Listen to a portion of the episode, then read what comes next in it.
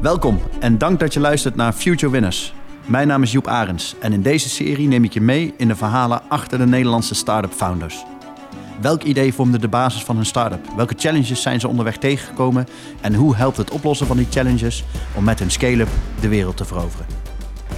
We zijn vandaag bij de Protein Brewery. Pioniers op het gebied van voedsel. Door de almaar toenemende vraag naar voedsel en de roep om duurzaamheid moeten we fundamenteel anders omgaan met voeding. Protein Brewery speelt daar een cruciale rol in. Ik zit hier vandaag met Wim de Laat, CEO en founder van Protein Brewery. Goedemorgen. Welkom, goedemorgen. Wim, voordat we in Protein Brewery duiken, die, de naam is een teaser in zichzelf. Ehm, eerst even iets meer over jou. Kun je jezelf voorstellen en iets over jezelf vertellen? Iets over mezelf vertellen? Ja, ik ben uh, een boerenzoon uit uh, Maden. En uh, 10 kilometer hier ten noorden van Breda. Geboren en opgetogen. En ehm, daarna in, eigenlijk vond ik alles leuk. Wiskunde, scheikunde, natuurkunde en dat soort dingen. Beta-dingen vond ik leuk. Dus toen ben ik naar Wageningen gegaan, want daar hoefde ik geen keuze te maken. En daar heb ik gewoon ja, alles gedaan op wiskunde, scheikunde, natuurkunde, biologie. En uh, de integratie van die dingen vind ik leuk. Dus toen ben ik daarna altijd in de fermentatiewereld aan de slag gegaan.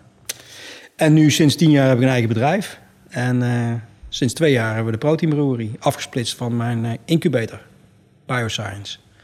En, zo, en, ik woon hier al 30 jaar in Breda. Je noemt al een paar termen, de fermentatie, protein brewery als naam. Kun jij ons meenemen in, in wat Protein Brewery doet en wat de functie is zeg maar, in die hele voedselketen? Ja, nou ja, wij zijn uiteindelijk, eh, zeg maar, als wij eiwit heten, eiwit uh, maken. Eiwit is essentieel voor ons dieet. Ja, we kunnen zelf, uh, we hebben eiwit nodig om te groeien en onszelf te onderhouden. En wat mij eigenlijk tot vijf jaar geleden te openbaarde, is hoe wij eiwit maken. En daar heb ik eigenlijk nooit over nagedacht. Maar toen, wij, toen ik me realiseerde dat wij soja uit Brazilië importeren, het oerwoud kappen en dat dan vervolgens naar Nederland verschepen en daar vlees van maken en dat verslachten en dat naar China brengen, dan dacht ik van ja, dit, dit soort voedselketen, dat klopt niet. En, en los van het feit dat ik me niet realiseerde hoe die dieren gehouden worden, want dat was geen vroeger toen ik op de boerderij woonde, totaal anders dan nu, eh, realiseerde ik me hoe ontspoord zijn als, eh, als maatschappij. Dus en daar ben ik toen, uh, dacht ik van, kan ik daar nou iets aan doen? Dus toen heb ik gedacht, oh, fermentatie, wat kan ik nou met fermentatie bijdragen aan het produceren van eiwitten? En omdat micro-organismen voor de helft uit eiwit bestaan en zich elke twee uur kunnen verdubbelen, kan je enorm snel eiwit maken als je dat in een brouwketel doet. De fermentatie is een omzettingsproces. Je zet suikers om in iets anders. En als je yoghurt maakt, maak je melkzuur. En als je kaas maakt, maak je melkzuur. En als je wijn maakt, maak je alcohol. En als je bier maakt, maak je alcohol. En als je brood maakt, maak je CO2. Maar het is allemaal gefermenteerd. En ja, toen dachten we van een eiwitbrouwerij om eiwit te produceren en om dierlijk eiwit te vervangen. Dat was het idee.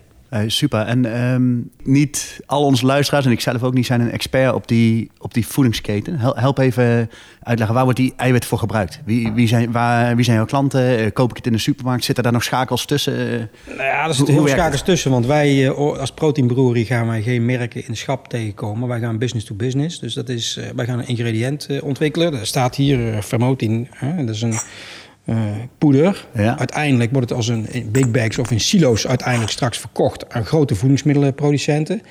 Die maken daar lekkere dingen van. Uh, dus wij gaan uh, alleen maar B2B uh, doen. En dat is alleen maar. De grootste impact zit in de waardeketen en upstream part. Niet bij het maken of het mengen van of het maken van lekkere dingen. Daar zit niet de impact. De impact zit in hoe maak je die eiwitten. Doe je dat met een dier? Doe je dat met een plant? Doe je dat met fermentatie? Want energieverbruik en landverbruik dat zit natuurlijk aan de voorkant van de keten. En dat realiseert niet iedereen zich. Dus om impact te hebben op klimaat en op diervriendelijkheid, moet je zorgen dat, die, dat het eerste stuk van die voedingsketen verbeterd wordt. Landgebruik, energieverbruik, uh, stikstofemissie, yes or no. Uh, daar, daar zit het grootste deel van de impact. Wel het moeilijkste stuk. Ja, want als ik het dus goed begrijp, is, is jullie product een vervanger van uh, dierlijke eiwitten of eiwitten uit soja. Uh, maar dan uh, veel duurzamer. Veel duurzamer, omdat, waarom? En wat is de truc die wij bedacht hebben? Planten zijn heel goed in het maken van suikers, maar niet goed in het maken van eiwitten. Ja. Planten kunnen wel eiwitten maken, soja, erwten, bonen. Maar je haalt maar 1000 kilo eiwit van een hectare. Maar hoeveel suiker komt er van een hectare? Daar kwam natuurlijk het voordeel van mij als boerenzoon in mijn Wageningse opleiding. Ja, ik weet dat er 20 ton suiker per hectare geoogst kan worden. met voederbieten of suikerbieten of aardappelen. Alleen, ja, tot nu toe had niemand bedacht dat je daar... Of wel iemand bedacht, Korn doet het al 30 jaar. Korn maakt al 30 jaar eiwit uit suikers. Ja. Alleen, die deden dat veel te duur en daardoor is het niet groot geworden. Dus wij hebben een goedkoper proces bedacht, simpel proces. En dat is eigenlijk de oorsprong geweest van de proteinbrouwerie. Gewoon goedkoper, schaalbaar en dus betaalbaar. En alleen als het echt betaalbaar wordt, gaat het impact hebben. En dat, dat is eigenlijk het concept dat de basis is geweest van de proteinbrouwerie. En wat de basis is geworden van dit uh, mooie ingrediënt. We zien heel veel nieuwe ontwikkelingen. Ook, ook uh, sommige uit planten, sommige uh, uit dieren of... Um, Celkweek. Cel, ja, zei, precies. Ja. Betaalbaarheid noemde jij al even. Ja. De, dat is cruciaal, denk ik. Hoe, is belangrijk is dat in heel jouw denken, het model wat je gebruikt, de technieken die je gebruikt? Ja, dat is essentieel. Wij hebben zeg maar eigenlijk bedacht van achter naar voren. Hoe kan je impact hebben? Dan moet het betaalbaar zijn. Niet alleen voor de happy few, maar voor iedereen. Uh, alleen als vleesvervangers of alternatieven net zo uh, duur worden als vlees. En vlees is heel goedkoop. We vinden misschien soms vlees duur, maar vlees is echt goedkoop. En we betalen niet de full prijs voor, voor vlees in mijn optiek. Hè? Want de natuur, de schade aan de natuur, schade aan het milieu eh, die wij berokkenen, het dierenleed, dat zit nergens in de prijs. En mensen zijn zich tot nu toe niet bewust van het dierenleed en dat zit niet in de prijs. Maar uiteindelijk moeten we gewoon, gewoon concurreren met vlees. Dus maar mensen die kopen toch vaak nog steeds op prijs. Dus dan ja. moet je iets maken wat uiteindelijk net zo goedkoop is en, dat, uh, en die ambitie hebben we uitgesproken. En dan moet je daar ook technologie naar gaan ontwikkelen. Dus wij zijn van achter naar voren gaan werken. En, uh, en, en micro-organismen uit de natuur geselecteerd... die heel goedkoop te maken zijn. En, en helpt jouw achtergrond dan uh, uit zo'n boerenbedrijf om... om ik wil niet zeggen boerenslimheid, maar gewoon wel in... er moet brood op plank komen te ja. denken, zeg maar. En, en, niet als een uitvinder alleen. Niet alleen als nee, een uitvinder klopt. te denken. Maar uiteindelijk wel, want zeg maar... er is geen Nederlandse boer die soja gaat telen... behalve wanneer die zeg maar direct eindproducten zou kunnen maken. Uh, want anders dan in die value chain verlies je anders gewoon veel te veel. En dat zullen weinig boeren zijn die dat, die dat echt gaan kunnen. En uiteindelijk gaat het ook een beetje om... Hoeveel waarde haal je van een hectare? Want een boer die zal altijd nadenken van... Uh, als ik suikerbieten uh, teel, krijg ik misschien 4000 euro, 5000 euro per hectare. Terwijl als ik soja teel, 300 euro per ton soja. Je haalt maar ongeveer 3 ton ervan af. Je hebt 1000 euro per hectare. Dat gaat geen boer doen. Niemand gaat dat doen. Dus al die initiatieven om soja in Nederland te gaan telen... of om clean meat te gaan doen... dus cellen, cellen, dierlijke cellen kweken in reactoren... in steriele reactoren... die dingen die gaan er nooit komen. Omdat boeren het niet gaan doen of omdat het te duur wordt. Dus uiteindelijk gaat het erom dat je levensvatbare uh, concepten bedenkt. Met eigenlijk ook wel nieuwe verdienmodellen voor een boer. Want uiteindelijk denken wij, we het zo, gaan we het zo simpel maken dat die vermoting, die wij hier laten zien, misschien wel op een boerderij gemaakt kunnen gaan worden. En dan gaat een boer eiwitten maken, niet met dieren, maar met fermentoren. Er komt er gewoon een grote fermenter te staan op een boerderij. En ja, dus dat is een beetje mijn boeren, uh, nou slimheid niet, maar een goede boer die integreert alles op zijn akker. Die maakt energie, die, die, heeft, die houdt ook dieren. Ik ben geen veganist. Ik geloof, ik geloof echt in dat wij ook als boeren straks gewoon nog misschien wel koeien gaan houden, maar geen honderd meer, maar tien. Nou. En uh, niks mis mee. En dat is landschappelijk, uh, maar ook een stukje, ja... Ja, maar dat is een hele andere functie dan. Dat is een hele andere functie, maar wel een maatschappelijke functie. Je maakt voedsel, ja. En je hebt de landschapsfunctie. Uh, uh, en ik denk dat boeren daar niet nu voor betaald worden. Integendeel. Nee, het businessmodel worden weggekeken. Ja. Nee, maar dus, dus uh, we hebben een product wat waardevol is. We hebben een businessmodel dat werkt. Dat, dat, dat, dat werkt.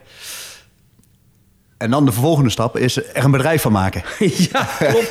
dat is ja, wel was, even nog ja, iets. Dat klopt. Nou ja, goed. En al die principes, als je al die principes hebt, uh, hoe je denkt en hoe je denkt met maatschappelijk uh, verantwoord ondernemen, is dat ook, denk ik. Uh, hoe gaan we om met het land? Hoe kunnen we met minder land en met minder resources zoveel mogelijk mensen voeden? En honger en klimaat, dat zijn nu natuurlijk ook nu dat zijn hele actuele thema's. Dus je moet met minder energie, met minder resources, meer voeding produceren. Dus uiteindelijk gaat het daarom. En wij hebben daar een businessmodel voor bedacht. Maar ook, en daar hebben we dus, dat verhaal hebben we kunnen verkopen aan investeerders. Ja. Niet alleen het verhaal, maar ik bedoel, ja, we hebben echt vorig jaar grote funding opgehaald. Ja, had je toen al een bedrijfje? Of was je, Ja, toen waren we met tien mensen. Ja? Eh, toen hadden we hier twee van die eh bo- garageboxen, zeg maar. Nu vijf. Ja. En eh, toen eh, hadden we patenten gefiled. Eh, we hadden een team opgebouwd. Wat zeg maar eh, ja, de problem-solving capabilities die je nodig hebt. Die dropen er vanaf, zeg maar. Ja, ja. een, paar, een paar goede mensen toevallig bij elkaar gekregen. Nou, niet toevallig, maar bij elkaar eh, gezocht. Waar, eh, ja, wat natuurlijk ook als je naar, een, eh, als je naar funding gaat. Je hebt je team, timing, traction. Dat zijn eigenlijk de drie parameters waarop ze investeren. Heb je een onderscheidend idee? Hoe zit het team in elkaar? En heb je aansluiting bij de markttrends hè, en Ja. bij klanten? Nou, dat verdelen we aan. Het maken van een onderneming, dat is, dat is nog wel eventjes... Daar komen wat dingen bij kijken. Ja. En eh, dan heb je het over hoe maak je hier nou een bedrijf van? Eh, ja, dan maak je gebruik van allerlei adviseurs, netwerk, eh, investeerders die je adviezen geven, ehm, ja, je buren, je familie, allerlei mensen die toch bijdragen aan het ontwikkelen van je concept, van je idee. Wat heb je nodig elk jaar om de next step te maken? En ja, journey. Kijk, die funding is een grote stap natuurlijk. Ja, En dan is die funding binnen. Ja. En wij hebben van begin af aan continu dingen gedaan. Durf en vertrouwen is eigenlijk zijn onze basiskernwaarden. En ja, durf en vertrouwen, die staan... Vertrouwen natuurlijk wel, maar durf, dat zit natuurlijk... eh, ja. En risk reduction voor investeerders, stapje voor stapje. Minder snel, het gaat allemaal wat minder snel. Eh, dus het, ja, we are slowing down, om het zo maar te zeggen. Dat, dat hoor je dat snel, hoor je snel hè? bedrijven eigenlijk niet, niet vaak Nee, dat is zeggen. een enorm Nee, dat- spanningsveld waar je in zit. Want als team wil je zo snel mogelijk. Want je Ja. bent ook een enorme snelheid gewend geweest de afgelopen jaren. Gewoon heel, ja, die agility en oké, dit gaan we doen. Ehm, weet je, we geloven erin, pads, doen. Eh, en dat is nu allemaal weer, ja, niet pads doen, maar maak een plan, eh, goedkeuring, jaarplannen, budget. eh, ehm, ja, het is, tien jaar lang hebben we zonder budget gewerkt. We hadden geen budget. Tien jaar lang zonder budget gewerkt. En nooit in de rode cijfers geschreven. Dat kan dus. Je kan gewoon zonder budget gewoon ondernemen. Ja, maar ik, hoor- ik hoor dus eigenlijk ook tussen de regels door dat het, het is echt, echt een volgende stap, zeg maar. Echt wel een volgende stap. En aan de ene kant is dat natuurlijk ook goed, want je moet procedures hebben. Je moet eh, straks ook, we gaan een fabriek hebben. Dus wij zijn nu al ISO 22000 gecertificeerd. Wij hebben nu al heel veel procedures. Het wordt een bedrijf. En eh, dat is, ja, is alleen maar goed. Alleen maar Met, goed. met groeien, net zoals met alles, gaat met vallen en opstaan. Zijn er momenten geweest dat je, ja, ik wil niet zeggen gevallen bent, maar dat eh lessons learned die je onderweg hebt meegemaakt? Ja, bijna elke dag. En niks gaat vanzelf. Het, het, het is zeg maar de vechtmentaliteit om, eh, om, te berei- om dit te bereiken. Ja, die, eh, dat is gewoon, eh, dat is gewoon denk ik, zo'n intrinsiek iets wat je in een bedrijf moet hebben. De, de, ja, continu. Je moet het leuk vinden om steeds maar weer nieuw, nieuwe problemen te krijgen en, die één voor één te tackelen. En alles in kleine mootjes te hakken.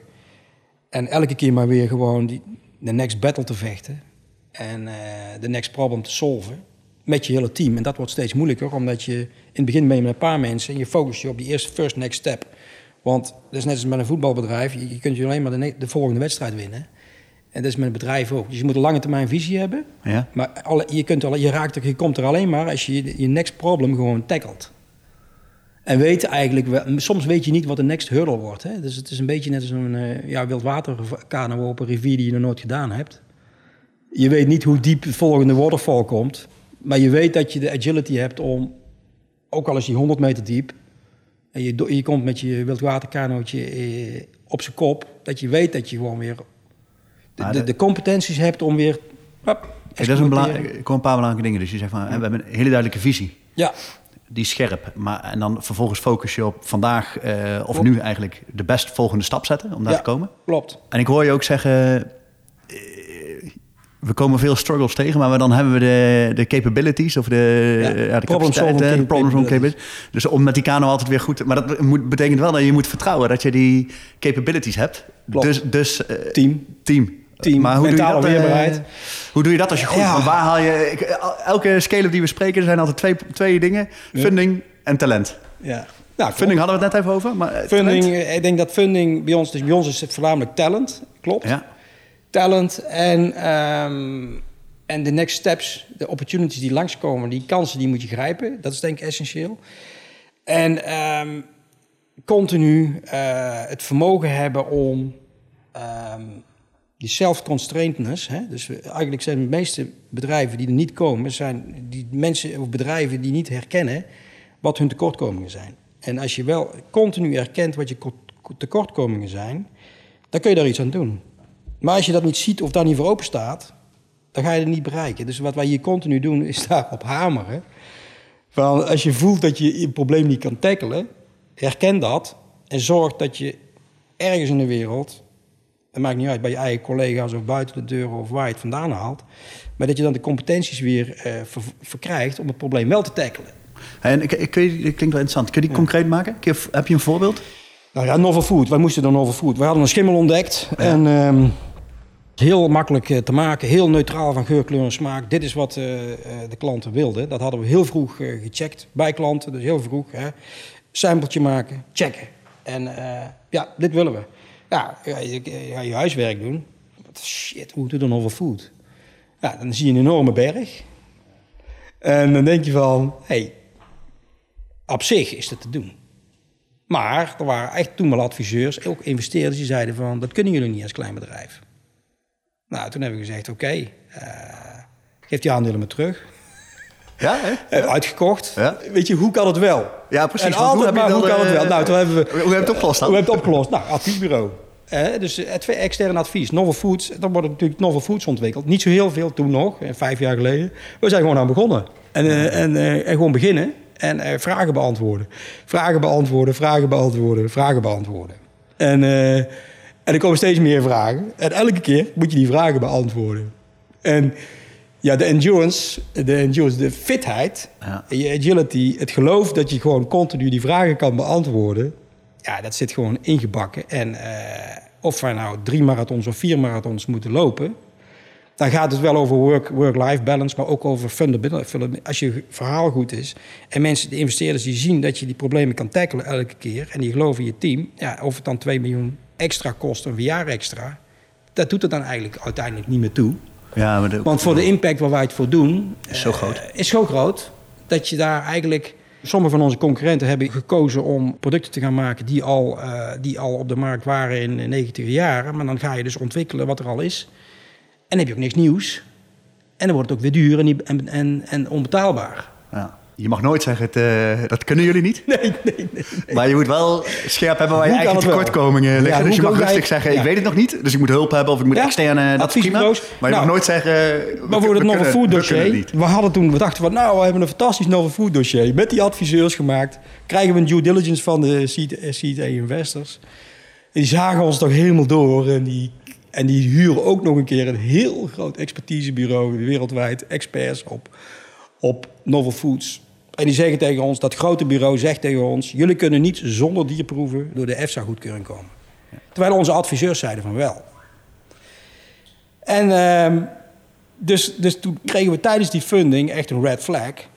En eh, dan denk je van, dat is weer zo'n moment dat je door, eigenlijk een beetje op je bek gaat. Je denkt van, wat is dit? Weet je, Ja. wel? je denkt van jezelf, wow, we hebben een mooi dossier. En eh, het wordt er helemaal aan vlaarden geschoten. Maar we hebben dat dan weer omgedraaid. Dan zeg je, ja, in feite is dat huiswerk.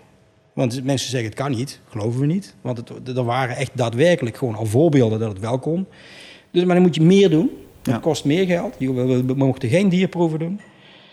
Maar je vecht dus tegen establishments, eh, mensen die al 30 jaar op een bepaalde manier werken. En die kunnen niet na 30 jaar in één keer zeggen van ja, eh, nu is het anders. Dus, dus wij hebben toen toch dat te raden genomen. En uiteindelijk eh, hebben de investeerders gezegd, we gaan ervoor. Ehm, eh, want we hadden goede argumenten. Ze hebben toch, want het was gek hè. Dus ze schoten, ze schoten ons businessplan aan flarden. Ja. Maar ze wilden een groter ticket. en ik, hey, wat herkenden zij in ons? Zij zagen in ons iets wat zij in hun eigen bedrijf niet hadden. Namelijk eh, iets vernieuwends. Je doet iets op een andere manier. En de problem-solving mentality die wij, eh, die wij hadden, Ja. daar, daar vielen ze op. Ja. Dus eh, ze hadden zoiets. Dus ze wilden een groter stuk van de investering doen. Maar het businessmodel... eh, Terwijl, terwijl ze dan Vlaanderen schoten. Ja, ja, Ja, ja. wat, wat is dit nou voor iets geks? Hè, dus eerst, je zegt van, eh, wat jullie voorstellen, dat kan niet. Maar je wil een groter, stu- groter stukje van de investering. Ja, dat is bijzonder. Dus toen had ik zoiets van, eh, ja, ehm dat was een soort erkenning. Hè? Ja. Dat een soort erkenning, ja. Maar dat is bijna een, een persoonlijk compliment naar het team. Ja, dat is een persoonlijk compliment naar het team. En uiteindelijk hebben we het ook waargemaakt. Dat was een heel spannend traject. Dat was echt de spannendste meeting die ik überhaupt, denk ik, ooit in, in, de afgelopen ja, vier jaar heb meegemaakt. Uh, al die mensen en met het externe bureau en die twee investeerders en, en onze eigen mensen en onze adviseur in één grote meeting, zo'n teams, weet je wel, met al die gezitjes. Maar dat was een fantastische meeting, want uiteindelijk kregen we een go. We noemden het even talent, hè? dus het, geeft aan hoe belangrijk die groep mensen is en de juiste mentaliteit en ook de juiste expertise noemde je eerder al. Ja. Nu ga je groeien. Waar, waar vind je meer mensen met het juiste profiel? Want dat is, kan een uitdaging zijn. Dat is zeker absoluut een uitdaging. Ehm, dat snel groeien is eigenlijk het grootste probleem. Uh, wat wij wel hebben is... Uh, er zijn toch wel veel mensen die, dit, die, dit, uh, die dit, deze manier van werken leuk vinden. Maar ze moeten ook natuurlijk skills hebben. Hè? Dus je, je kunt heel veel mensen... Ja, die klinkt meer interessant, maar je moet ook iets toevoegen aan ons bedrijf. Ja. Dus je moet ook wel skills, skills hebben, die problem-solving skills. Je moet competenties aan boord brengen. Of het nou zeg maar verkoper is of straks iemand aan de logistieke kant of een operator. Uh, je moet durf hebben en je moet autonomie en je moet ook straks in de fabriek uh, problems willen solven. Weet je wel, dat is een kwaliteitsprobleem, tackelen. Ja. Met een klant, heb 10, 10% meer, doen. Als team, steeds als team. En, en het enige wat bij ons telt is dat wij als team presteren. Dus het zijn eigenlijk bedrijven of mensen, wij zoeken mensen die, die gewoon leuk vinden om als teamsport te doen. Eigenlijk dat toch wel. Je zoekt mensen die iets kunnen, vak hebben geleerd, maar skills die kun je altijd wel leren of trainen of aanvullen met echt adviseurs. Het gaat om je houding en gedrag en uh, feeling van uh, teamplay. Dat is het gewoon. En, en, het kan niet, bestaat niet. Maar hoe kan het? Dat is steeds de vraag. Ja, hoe kan het? Ja. ja. Uh, ja, is recruitment. Bij ons recruitment doen we dat. Wij hebben nu ook onze culture gemapt. Dus wij sturen nu als mensen... Ja, weet je, dit is een soort gedrag wat wij hier eigenlijk leuk vinden. En uh, niemand is hier belangrijker dan uh, niet de spits die de ballen erin trapt... of die, die, dame die dat nog food dossier battle gewonnen heeft. Want zij kan niks zonder dat wij goed product maken en goede verkopers hebben. Dus het is continu team effort en, en, en nou ja, en dat, ja, dat, dat, gaat, dat gaat wel. Maar snel groeien. Wij zijn dus vijf jaar lang elk anderhalf jaar verdubbeld. Mhm. En nu gaan we komend jaar weer twintig mensen moeten recruteren. Twintig mensen...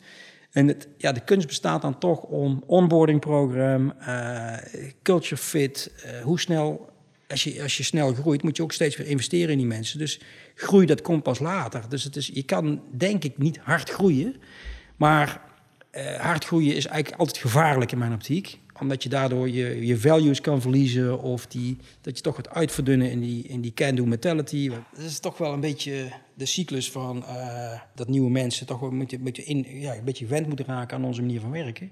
Ja, dat kost tijd. Belemmert dat de groei? De snel, nee, snelheid nee, nee, groei? Nee, nee, nee, nee, belemmert de groei niet. Want elk anderhalf jaar verdubbelen. Doe dat nog, ja, je weet je, exponentiële groei, dat weten mensen nu met de corona, hoe snel ja, dat gaat vrij rap. Dus het is gewoon uh, eigenlijk ook niet zo'n probleem. Eh, onze grootste next step is nu, nou, we gaan nu naar Mijkenbroek, we gaan naar een nieuwe locatie. Dat is nu ons next big problem. Zorgen dat die locatie prachtig wordt, dat het gaat werken, dat die fabriekje gebouwd wordt. En daarna is het de, full-scale plant.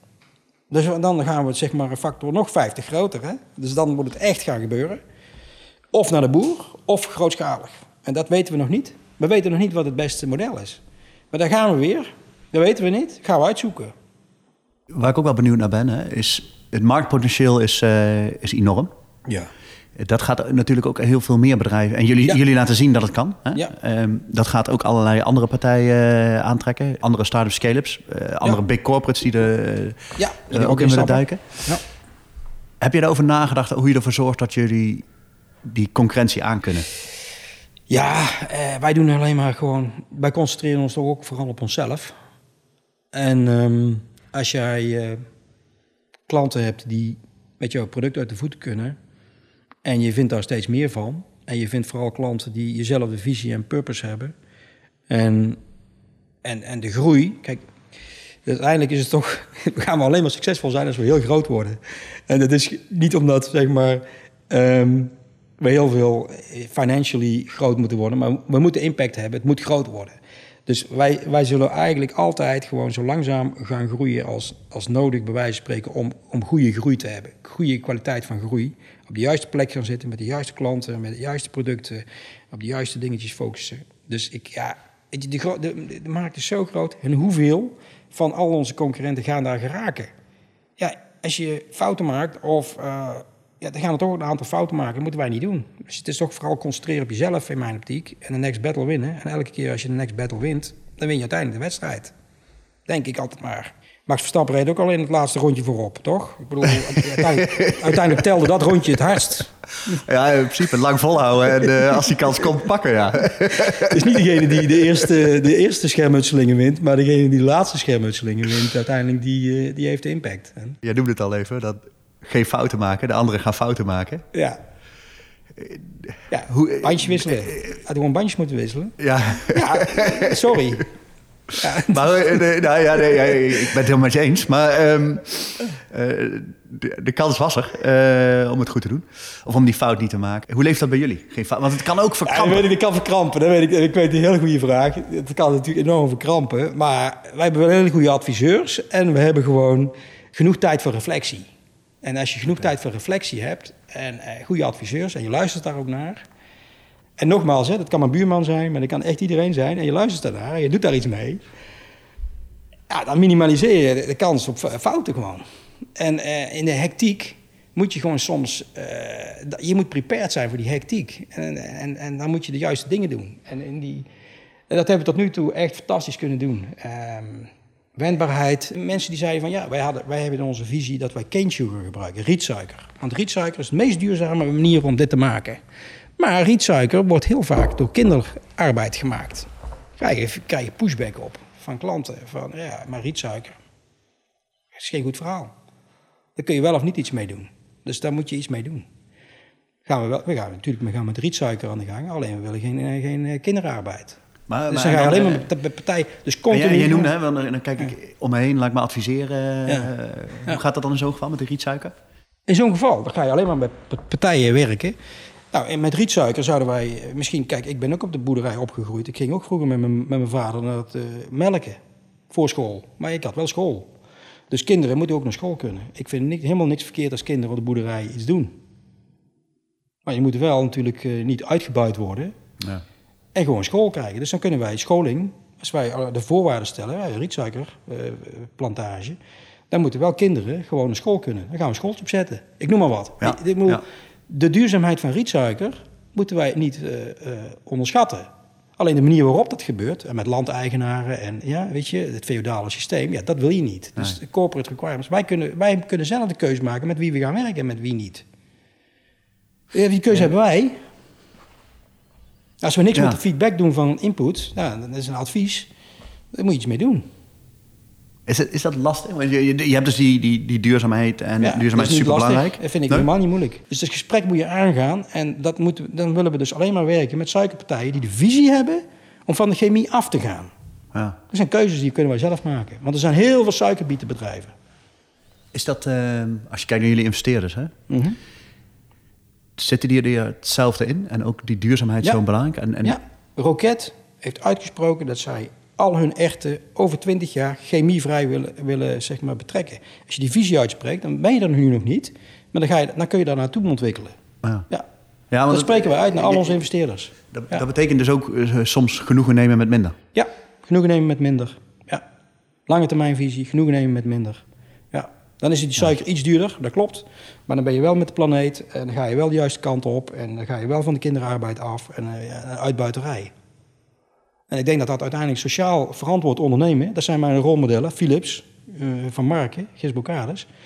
Dat waren ook sociale ondernemers. En uiteindelijk, eh, die, die zeg maar over alle belangen van de werknemers, van de omgeving, daarover nadachten.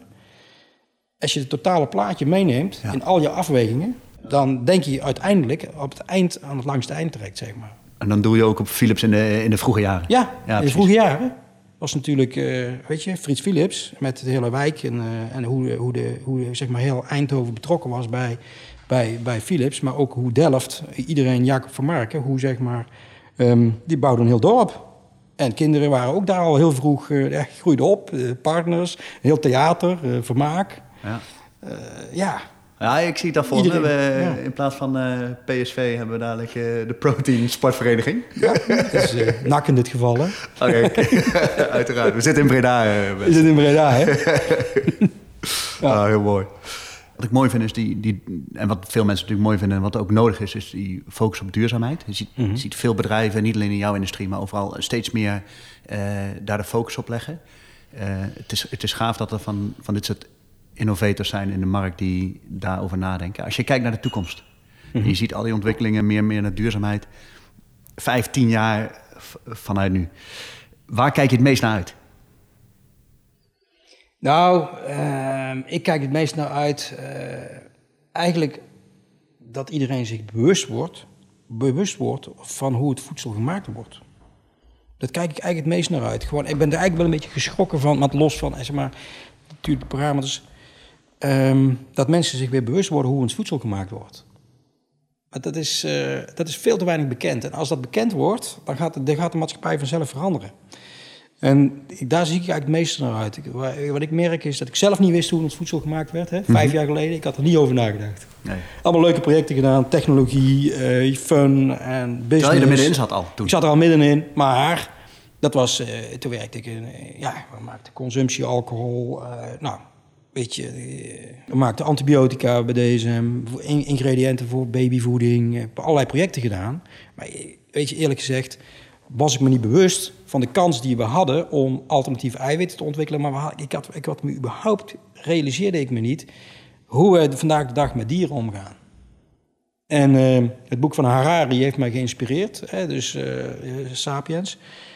Uh, dat wij gewoon op een gegeven moment, dat alles op, hier op aarde in feite monoculture is geworden van Homo sapiens of animals die wij, hè, alle vertebraten die wij kweken om ons te voeden. Ik denk van ja, dit is zo, dit is zo ge, ge, ontspoord.